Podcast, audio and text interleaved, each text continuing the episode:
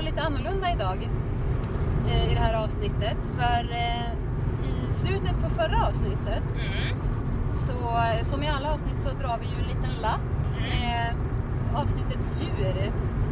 Eh, och förra veckan så drog jag då Pallas katt. Precis. Och då... Ja men då tänkte vi så här, eller vi har ju lite, eller jag har lite minnen, radiominnen kring Pallaskatten. Eh, att eh, när vi jobbade i, på Sveriges Radio i Uddevalla så var ju Nordens Ark liksom vårt bevakningsområde. Precis. Då tror jag gjort två grejer om Pallaskatten och skickat ut pressmeddelanden. Mm. Så vi tänkte varför inte köra... Ja men det liksom- finns ju det finns experter. Men eller hur, så kan vi få liksom all information det bara går om, eh, om Pallaskatten. Mm. Eh, nu har jag ju såklart hittat lite information också. Ja, vissa måste tjuvstarta liksom. Ja, precis. Ehm, men vi kan även få lite mer expertis på området. Ja, för att ett av de, en av de här grejerna, jag vet en gång kom det pressmeddelande om att det hade fötts eh, pallastkattungar. Mm. Urgulligt. Och sen så var det ju, gjorde jag ju någon grej om att de skulle, Nordens Ark skulle börja med ett bevarandeprojekt. Ja, Just för att ehm, ja, se till så att ehm, ja, det är det här vi ska ta reda på mer om. Men kort och gott att de är med i ett projekt för att eh, bevara pallaskatterna i det vilda och sådär också. Så att det är inte bara det att de har pallaskatter på Nordens Ark utan de jobbar för dem i det fria också. mm, precis. Och då, varför inte fråga dem som verkligen, verkligen kan? Exakt. Ehm, så vi ska träffa Emma Nygren. Som, hon är bevarandekoordinator på Nordens Ark och jobbar ju väldigt då nära Pallaskatterna Mm. och med det här projektet att bevara dem. Och så ska vi även träffa David Barkley som är ehm, en samarbetspartner inom bevarandeprojektet PICA. PISA, PIKA. Ja men jag antar att det var det här jag eh, gjorde den här intervjun om för länge sedan. Men det, jag minns ju inte liksom hur man uttalade det. Nej, och då var det i Ryssland. Ja. Men nu är det alltså på Nordens Ark. Så igår och idag har de eh, haft möte Mm. om Pallaskatterna. Så det är lite det vi ska fråga om. Spännande. Och så förhoppningsvis så får vi se några Pallaskatter också. Ja. Solen är på väg ner men Tage han är snabb. Ja. På, på ett lagligt sätt. Ja. Sköter sig. Så- Han är väldigt Så kanske laglydig. hinner vi fram innan solen går ner. Ja. ändå. De ska ju tydligen vara väldigt aktiva vid skymning och eh, gryning. Mm. Så vi får hoppas att de är ute och... Ah, två kor! Ja, åh vad fina. Jättefina. Ja. Eh, ja, vi får se. Men vi är alldeles strax framme vid Nordens Ark i alla fall. ja. Men titta, en tiger. Så fin. Men kör man till hotellet här då? Ja. Ja, det måste man väl göra. Och just vi måste ringa henne här du vet. Vi kommer inte in. Kommer vi? Nej, men vi kanske Eller? får parkera Eller jo men där är en grind öppen. Ja, nej, men vi får parkera här nere bara. Mm, får du inte följa med Tage? Tage får stanna här. Men han har ju två bilkompisar i alla fall här så. Vill du stå bredvid en bilkompis här Tage? Du får stå här bredvid henne, Nissan här. Fast med lite mellanrum så, så att det inte Mm. känns för trängt heller. Så här liksom. Inte känns Inte för tätt inpå. Sätter du på den nu då? Skulle jag ha när vi stannar? Ja, men den är ju på. Jaha.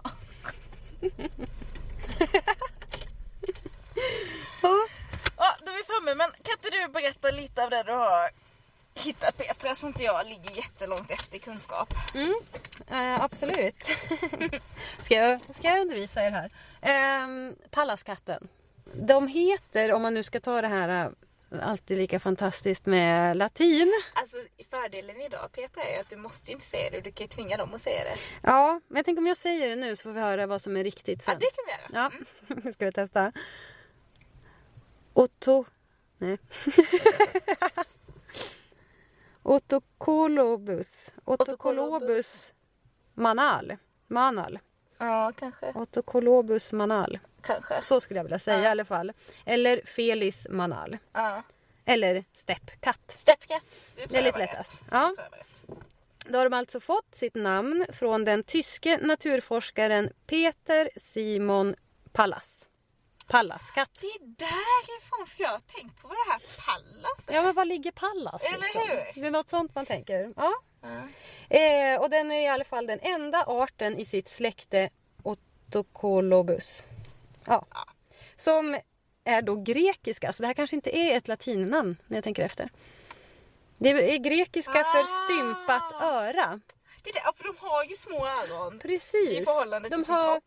små runda öron som sitter liksom lite brett isär. Mm. Eh, den är, kan vara mindre eller lika stor som en vanlig tamkatt men den har lite kortare ben. Lång päls som är tjock och fluffig. Mm. Och det gör då att den ser lite större ut. Ja, än vad den är. Ja. Ehm, ja, den har ganska litet huvud också.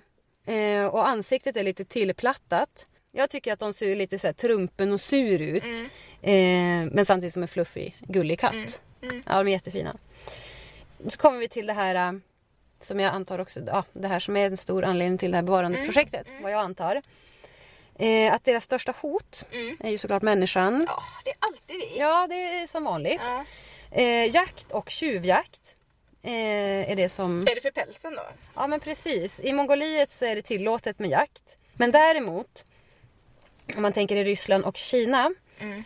eh, så påverkas den negativt av att pipharar, som är en stor för, födokälla för pallaskatten, eh, den bekämpas som ett skadedjur och eh, den förgiftas. Och det gör ju då att Nej, när de äter... de förgiftade när de Precis. äter den. Eh, så det är ju ja, Mm. såklart en ganska stor påverkan. Det är klart. Och att deras miljöer där de bor eller ja, vill vara förstörs på grund av uppodlingar och betesmarker. Mm. Eh, och de gillar ju att vara liksom i ett stepplikt eh, landskap. Men sen har vi också ett problem då i och med, eller det här med i fångenskap. Mm. Eh, I och med att man då försöker föda upp dem Mm. så finns det ju ett problem Finns det ju ett problem med att de kan få en parasit som de... alltså- Som då bara får i fångenskap. Ja, eh, den... Eh, jag antar att man säger då to- Toxoplasma gondil eh, är den här parasiten och det påverkar de här kattungarnas överlevnad. Så jag tänker att det ska vi också fråga lite mer om hur är många de... av de här ungarna som överlevde Ja. som föddes förra sommaren. Precis, och eh, hur de hanterar det. Ja. För att Om de det jobbar ju ändå om för att föda upp dem. Ja precis, om det ändå finns kanske saker man kan göra för att minska risken och så. Mm, Det kanske det finns. precis. Det måste vi fråga. Ja. Inte mot ingången sa. Vi kunde, jag tror vi ska gå dit. Jaha. Är det kanske där då? Ja. Hej! Välkommen, välkommen. Tackar. Hej Petra. Hej Emma. Hej Charlotte. Hej hej. Emma, välkommen. Tack. Avsluta med det här.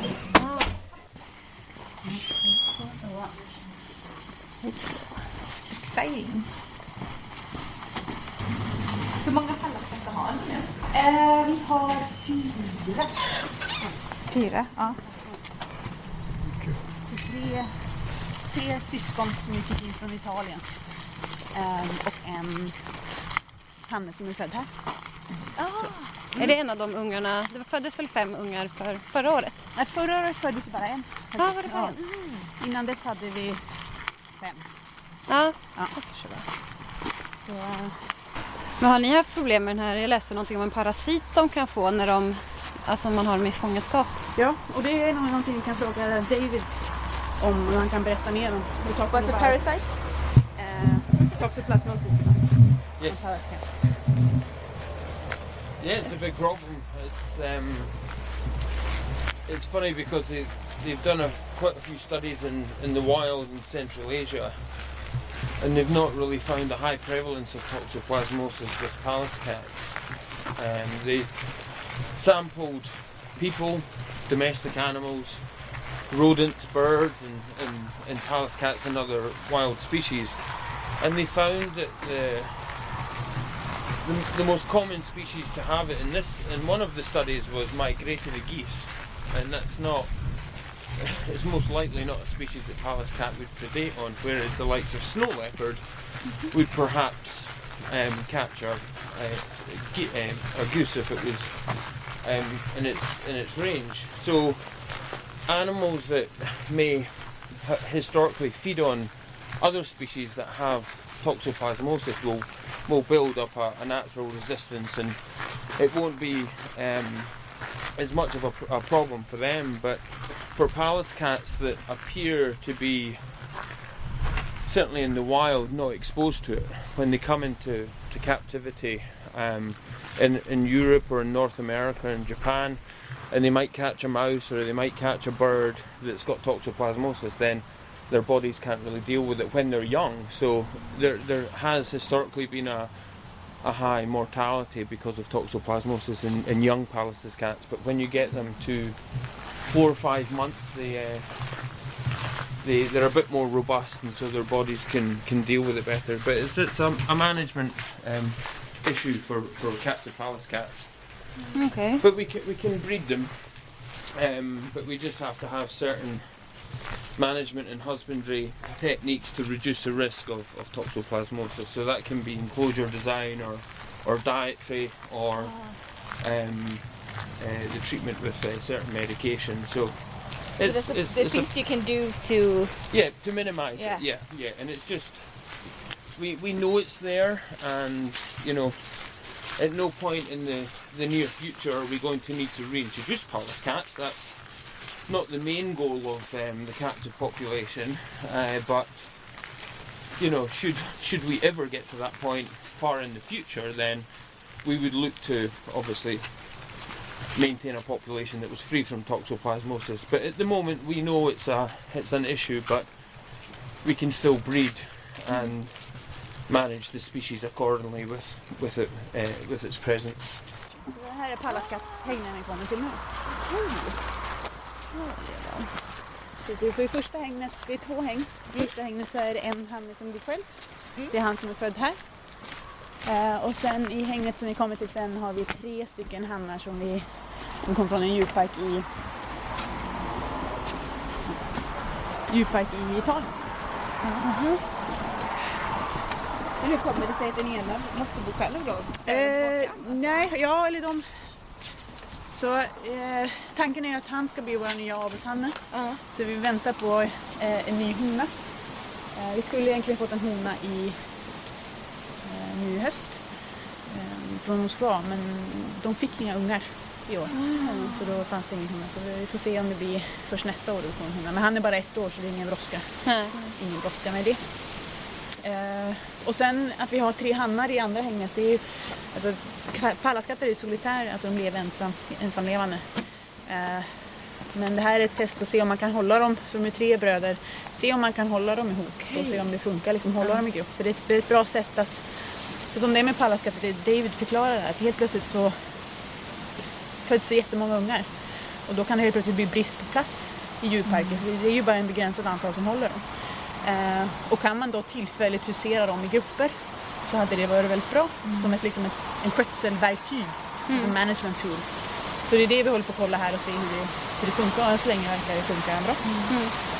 Eh, komma överens och så. Men är det svårt att, att, att avla dem? Är det att ungarna inte överlever eller Ja, det är ju främst att alltså, själva av, av fortplantningen är inget problem. Eh, men det är att ungarna de dör i tidig ålder av, av toxoplasmos. Så vi har ju förlorat, om jag kommer ihåg rätt så har vi förlorat två kullar i början då. Eh, men sen med hjälp av David så ändrade vi våra skötselrutiner och ändrade liksom lite grann hur vi tänker med smittskydd och så. Och Var det den här parasiten? Ja, det är Ja. Mm. Och då lyckas vi, har vi fått ungar att överleva. The box, Det är synd poking his head out the Ah. Vad är det?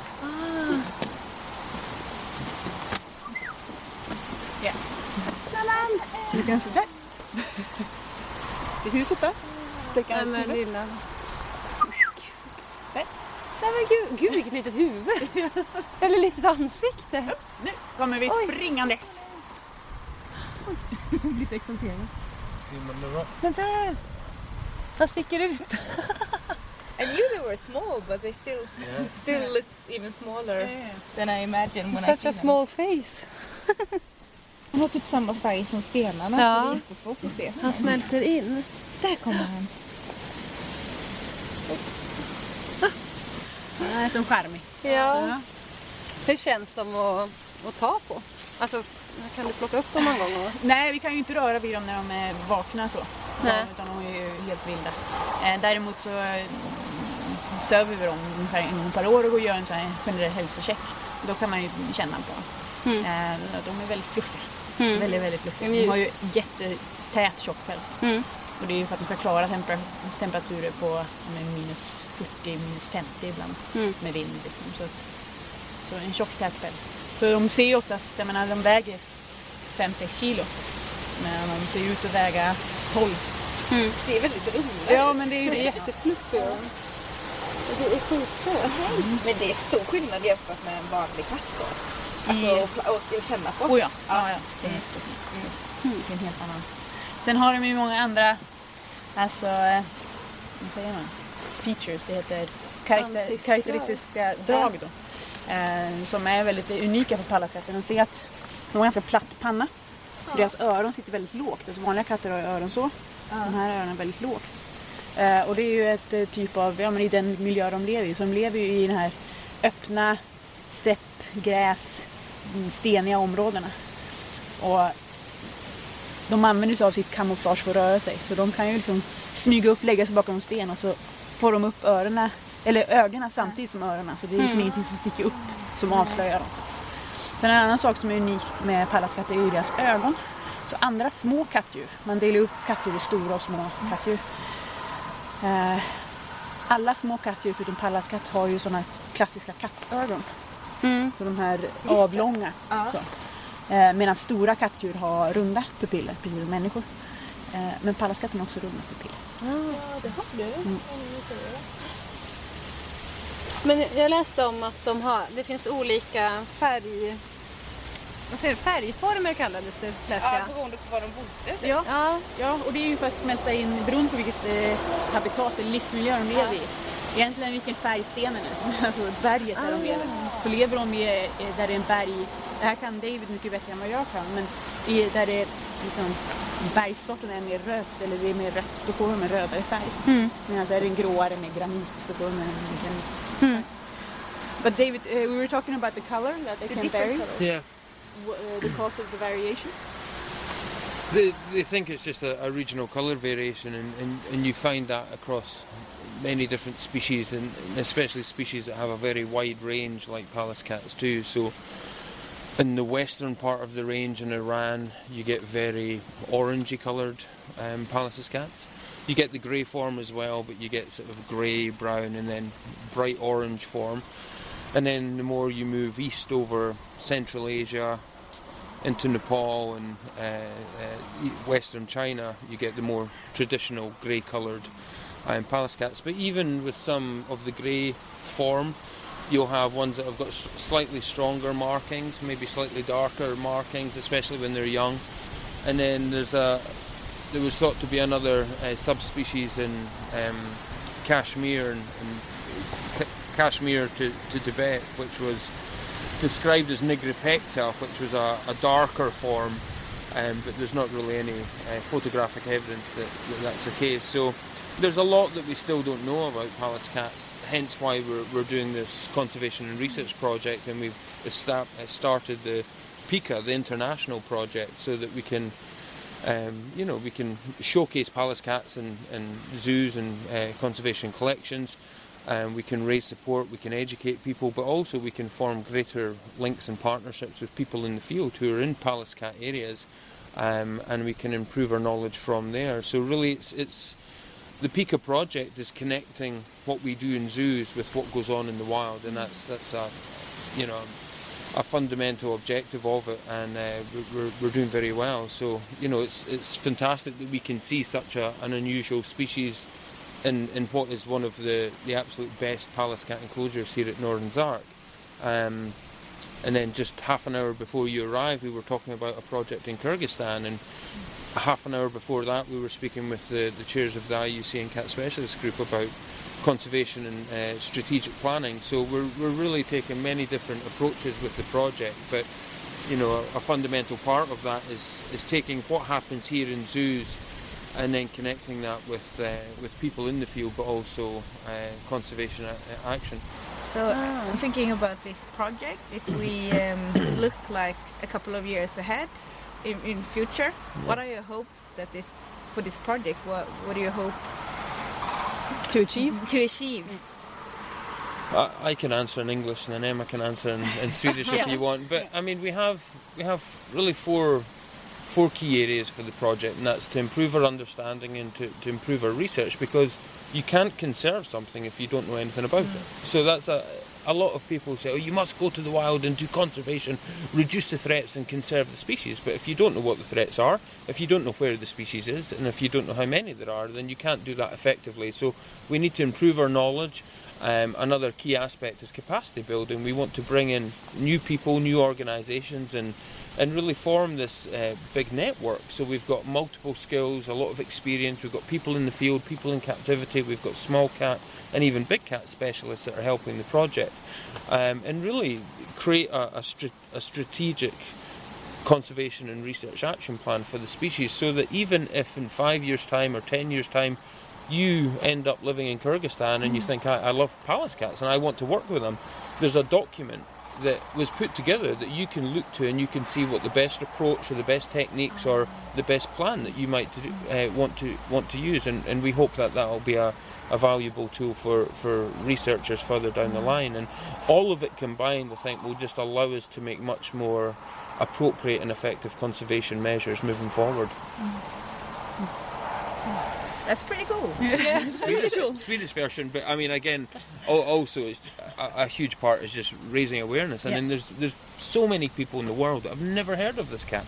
Hmm. Yeah. Everybody knows about snow leopards and tigers, so we're trying to, you know, raise awareness for these small, unusual cat hmm. species, and, and the palace cat hmm. is, is one of them. And you know, and a lot of the global funding for, for cat projects goes towards the, the big cats, but in actual fact, the, a large, a huge majority of the cat, the whole cat family, is small cat species. So you know, as much as the, the awareness, the education, and the conservation is a, a, a key part of it, we need to you know raise funds and raise support for the project to continue. So, um, but it's all it's all connected. Ja, men det, det är... I'll take it in Swedish then. Okay. I'll translate now. Nej men det är ju precis som, som David säger att alltså det vi vill uppnå det är ju så här att få, ja, men om fem år, om tio år så har vi en betydligt tydligare bild över hur läget för pallasskatten är i det vilda.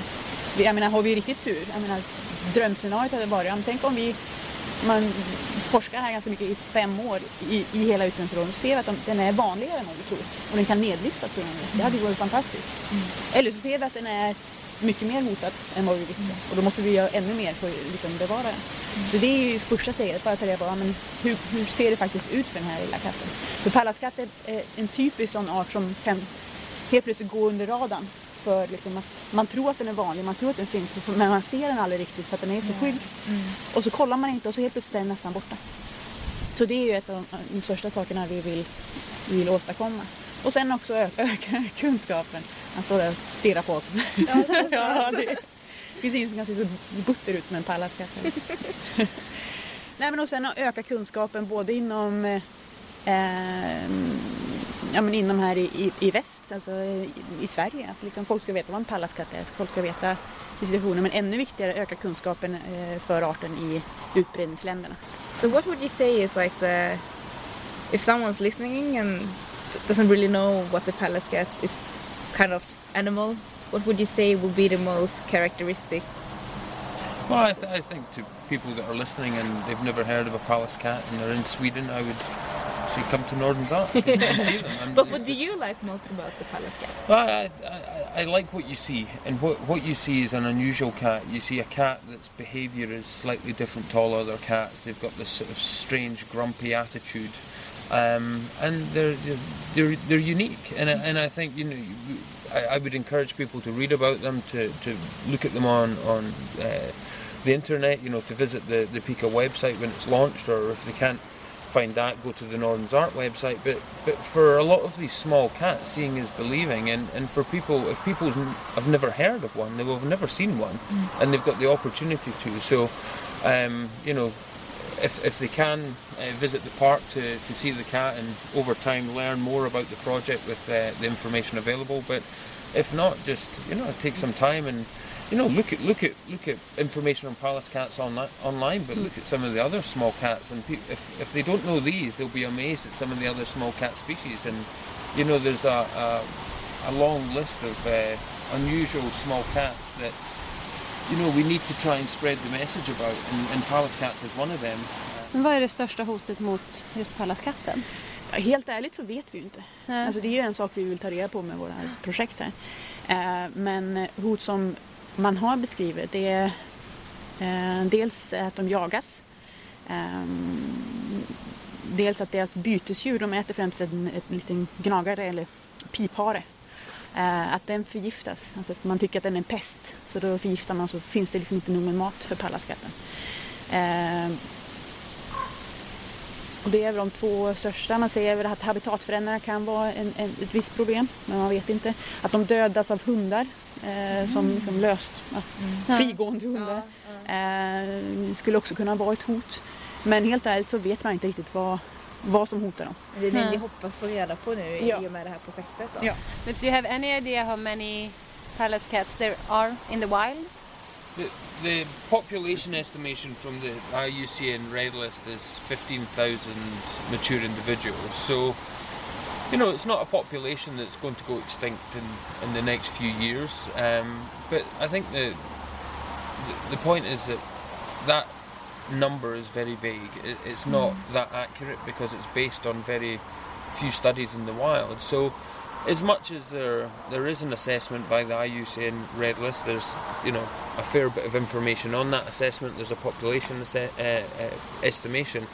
If you ask the people that put that together, they'll, they'll still say that we know very little about the species. So, you know, this is it's a fantastic project what we're doing for palace cats, but hopefully the the way that we're we're doing it and what you know the output that we'll get in the end can be used for other small cat species where equally we know mm. very little about. Mm. So although this is great for this species, hopefully it will have knock-on effects and, and could be a similar model for, for other small cats. Hmm. Mm-hmm. Uh, I was thinking if um, if you if if I were a palace cat, what would be like? Do you think like here is it a nice life? Do they rest a lot? What do they do? How do you think it feels to be a palace cat? Ah, that's a, That's a weird that's question, a, I it's know. a weird but- question, but yeah, you're not the first person to think about being an animal. But I mean, I, I think um, you know, z- zoos aren't the wild, um, but there's there's a really important role for zoos in educating people and keeping sustainable populations of, of threatened species. So, you know, whether it's palace cats or a moor tiger or, you know, incredibly threatened uh, strange sheep and goat species that that equally very few people are, will know of. There's, uh, from a sustainability point of view, we need these long-term insurance policies, but, um, you know, palace cats are and, and cats in general you know they, they're not animals that sort of waste energy. So in, in the wild they've got to they've got to defend their territory from mm-hmm. from other animals other males. They've got to you know overcome potential disease or injury. They've got to find food every day. So That's you a know, hard life. the, the, the idea and I, you know it's not a case of saying captivity wild either is better but there, there's it's a tough life in the wild for animals, and um, you know, there's a great role for zoos in conservation and research and sustainable captive populations. And you know, I've, we've worked with Northern's Ark for a long time, and I know the management of these these animals is fantastic. Northern's Ark actually has one of the best breeding successes of, of, of Pallas cats, and they, they, they built a purpose uh, built enclosure for the species. So it wasn't an old enclosure that, you know, they, they put palace cats in because they had the space. They built this specifically for the species. So um, I, I, I have no doubt in saying that these cats have a, a fantastic life here, and, and you know the they breed well. Um, you know, you saw them; they're active. They don't run away and hide. They're not No, shy they're or really- nervous. So. I think all in all, it's a really great environment here for them. Chilled life. Ja. Vad är det bästa med att vara en pallaskatt? Vad är det bästa med att vara en pallaskatt Nordens ark eller att vara en pallaskatt? Alltså jag tror, som, ja, lite liknande som David sa, att eh, de har ändå... Menar, vi jobbar ju dagligen med att göra det bästa vi kan för att de ska få utlopp för sina naturliga beteenden och verkligen få, få sina behov tillgodosedda. Eh, precis som David sa så är ju fångenskap är ju inte det vilda. Nej. Så, så. Men eh, även om vi försöker efterlikna det så det kommer aldrig vara naturligt. Alltså det, det är en, Mm. ja, vi bäst semi-naturlig miljö. Eh, men de utstår ju väldigt mycket ja, hot och eh, svårigheter i det vilda som de då slipper i, i fångenskap och det är ju bra. Samtidigt kan det ju vara problem med fångenskap också, att vissa djur inte trivs eller vissa djur, eh, individer tycker, ja, men blir stressade av olika anledningar. Ehm, men just pallaskatter, de blir inte lätt stressade vilket är ganska... eh, Det blir lite chill så. de är väldigt chill skulle jag säga. De eh, verkar ta livet med ro. Men då låter Ja. det som ett gott liv ändå. så jag tror eh, livet som pallaskatt hade nog varit helt okej. Ja, ja. Ja. Får du god mat varje dag, råttor och kyckling och så här, mm, smaskiga saker. Ja, det låter inte helt fel. Nej, härligt. Får vi gå och se om vi ser de andra också? Ja men det kan vi Ja. Vi tar en liten promenad. Så nu har det blivit lite mörkare. Så Ja, lite svårare att se. Men här har vi tre stycken hannar. Där uppe är de. Ser du den? Där Ja, där ja. sitter de. Båda två där. well Där kommer Emma gå. Eller han gick där nere.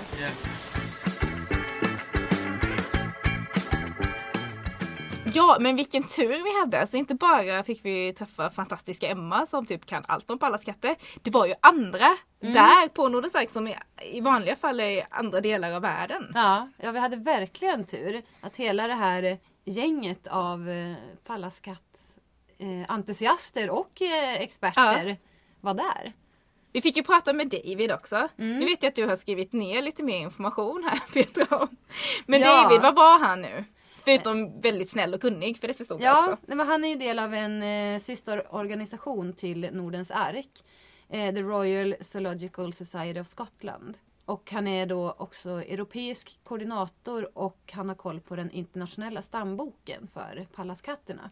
Och det här gör ju att han har väldigt mycket kontakter runt om i de här eh, utbredningsområdena. Det är ju ändå 13 till 14 länder som pallaskatten beräknas finnas i. Och eftersom han har koll på stamboken då så har ju han kunnat knyta många kontakter vilket är jättebra för det här, ehm, det här Bevarande projektet. Ja, Mm. som de håller på med. Ja men fullkomligt eh, nödvändigt.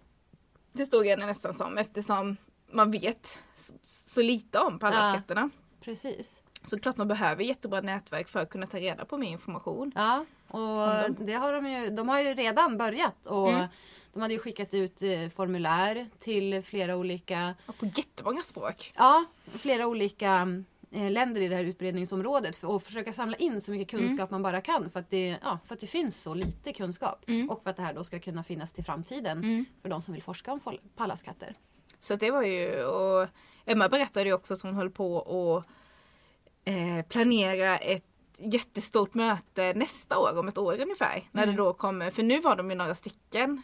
Eh, vi stimmar ju in den när de precis höll på att avsluta sitt Ja. möte.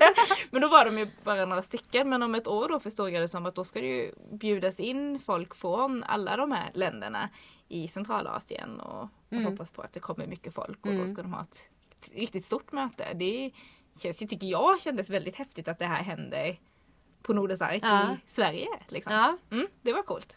i, ja verkligen. Det, ska Mm. bli, det får vi försöka, det är någonting som vi verkligen får följa upp. Mm. Mm. Vi har sagt det förr men det här är verkligen någonting att följa Ja, upp. definitivt. För att eh, det blir jättespännande dels att få reda på vad lär de sig om pallaskatten och hur går det för den. Det är ju jättespännande. För den var ju så gullig. Ja, den var fantastiskt fin. Alltså den var fantastiskt fin. alltså den Ja. var så gullig. Ja. Hur den sprang. Men han var så nyfiken. Ja. Och så kikar den ut och så ser Ja. den sådär trumpen och sur Ja. ut samtidigt som man fattar att den är nyfiken. Ja, Den, sprang ju in i som ett ihåligt träd, en liten stock. Ja. Och tittade ut där och bara... Så. Och det, alltså, han satt ju kvar där länge Ja. och liksom spanade in och så här. Ja. Vad gör de för någonting? Har de någon mat med Ja, sig? precis. Vad gör är de? maten? ja, precis. Det finns ju en liten, eh, en liten bild på den här när den sticker ut. Ja, alltså. Thomas O'Malley heter ju den här också. Den här lilla pallaskatten. Så gulligt. Men ehm, det var ju, började ju skymma lite när vi hälsade på Thomas. Mm. Så att eh, det var lite svårt att ta bra bilder. Men, eh, Med reservation för det. Men ja, det finns det finns ändå. bilder. Det finns bilder. Ja. Eh, men jag tänkte på det också för att eh, när vi satt i, i, i Tage innan vi träffade Emma och David så berättade du om parasiter som Mm. var en fara för eh, pallaskatter just i ja, på zoo i fångenskap och så. Och Mm. det visade ju sig att David var ju typ jätte ja, men expert på det här och hur man då ska jobba med att eh, ja, se till att de klarar sig så bra som möjligt och att man ska kunna föda upp alla skatter i fångenskap och så. Han var ju typ expert på det. Ja, Så jag hade sån tur. ja, verkligen. Alltså, det var ju allt från dieter och hur man liksom utformar själva inhägnaderna och allting som kunde påverka eller som kunde göra Mm. det bättre liksom, för pallaskatten. Och att de inte ska få den här parasiten. Mm. Och förhoppningsvis någon gång i framtiden så om man då kan börja släppa ut pallaskatter att de inte har den här parasiten i kroppen då. Ja, Eh, nej men precis. Och eh, ja, vad jag förstod det som så hade ju han ju också eh, hjälpt Nordens Ark i början då när de inte hade haft pallaskatterna så länge. Mm. Att se till så att då de... Eh, Allting blev bra för ja, dem. precis. En sak som han också var väldigt bra på tycker jag, det var ju att uh, härma Ja, pallaskatten. För tidigare har man liksom inte vetat hur den har låtit. Men han förklarade ju att man använt ungefär samma in, Mm. Em, teknik som vi har, alltså den här lilla mikrofonen och ställt ut den eh, under parningsperiod och lite sådär för att kunna höra eller spela in hur de låter. Ja, innan, det- innan visste de ju inte ens, gör de något ljud? Nej, De, de, helt visste inte det liksom. Precis. Så uh, han eh, gav ju oss ett litet eh, exempel Alltså på hur det jag kan trodde låta. inte han skulle göra det. Men Nej. jag tänkte vi chansar och fråga men eh, han gjorde det. Vi kan ju lyssna på hur det lät. Ja. Enligt David då. I normally do it after a few drinks. it goes a bit like it's a very, un- Singing. The it's a strangest very sound in the unusual world, yeah. cat noise. You make your, your sound and the other cats are around. I'll try. They that. react at the sound like oh, I'll just, is I'll he a just, cat? I'll just sit on the top of a mountain in Kyrgyzstan. yeah. Kom. Yeah. In herds, in flocks. Jag tyckte fint. liksom, jag förstår inte vad han snackar om att han bara brukar göra det när han är på fest. Han Nej, fixade ju det det så bra, utan det ändå också tycker jag. Absolut. Så nu vet man vad man ska lyssna efter om man skulle befinna sig i Centralasien och vill leta upp alla skatter. Exakt. Mm. Och eh, vill man se en pallaskatt så kan man ju absolut åka till Nordens ark Mm. och kika på dem. Och de är, alltså, de är otroligt gulliga. Mm. Eh, men sen ska det också komma, eller det har kommit snarare, en eh, hemsida eh, där det finns massa utbildningsmaterial eh, om eh, pallaskatten. Mm. Och det här är också översatt på många olika språk så att många kan ta del av det. Eh, och den, eh, då kan man gå in på www.palasscats.org. Alltså jag känner att jag har väldigt svårt för att släppa pallaskatten men det kanske är dags att göra det ändå för den här gången. Ja, vi, vi får göra det. Det, finns var ett fler- helt nöje att få se dem eh, och eh, få lära sig så mycket om det. Mm. Det var det verkligen. Mm. Väldigt kul att få komma till Nordens ark. Mm.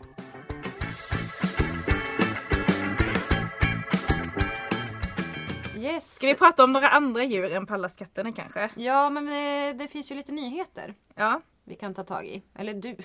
Alltså du! Åh förlåt nu skrek jag rakt ut. Eh, utan att luta mig bak. Men jag har en kompis som uppmärksammade mig om en grej som SVT Nyheter då hade lagt upp på Facebook.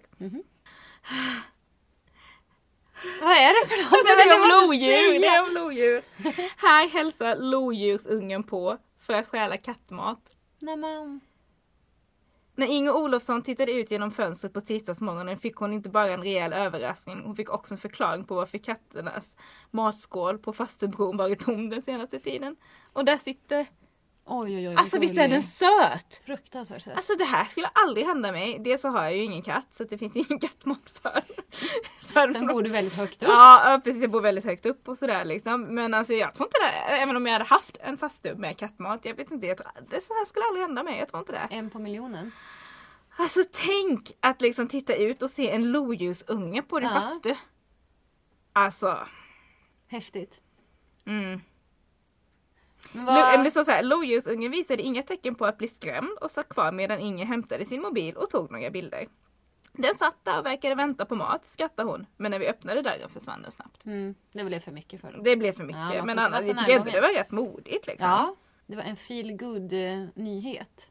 Jo men det tycker jag även om ehm, Även om, eh, ska vi se, Inge pratar lite om att, ja, blir lite orolig för sina katter då liksom. Mm, det är klart. Och sådär. Men de kanske är ehm, kompisar. Ja. Vem vet? Den här tyckte jag var lite rolig också.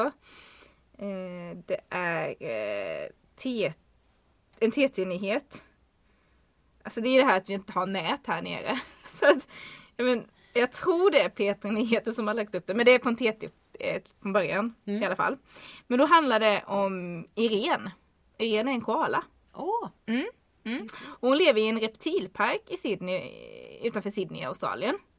Och det är liksom, ja, det är inget konstigt med det men eh, sen hände det att hon, eh, hon rymde från sin bur.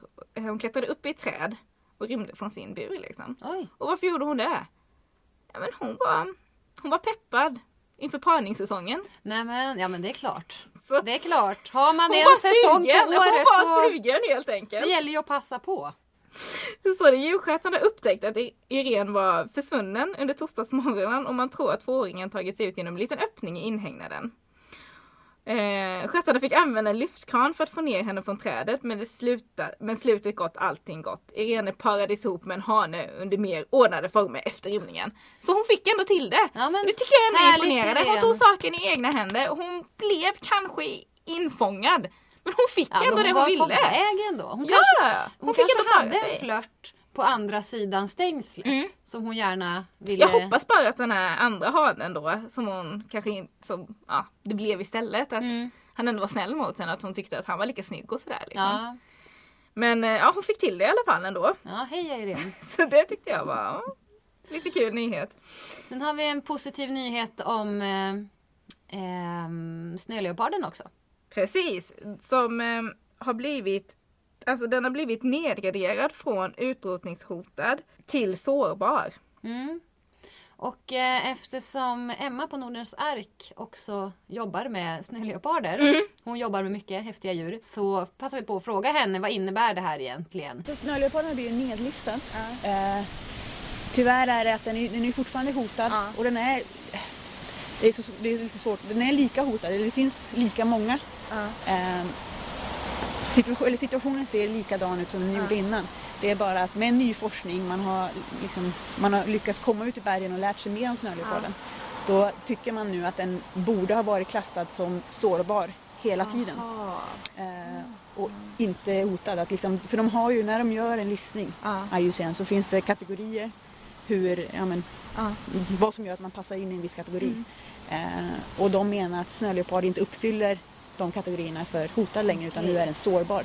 Men det är fortfarande Det har liksom, inte hänt någon förändring Nej, egentligen. det har inte hänt någonting och alla, alla i forskarvärlden är ju helt överens om att det fortfarande krävs Ja. eh, väldigt mycket för hoten är kvar och hoten blir fler. Alltså, vi har klimatförändringar, vi har Ja, ja. hoten av eh, gruvdrift som bara blir mer och mer i de här bergen. Liksom. Mm. Det, och det är ju saker som även kommer påverka pallaskatter för de överlappar ju till stor del Mm. med snöleoparden.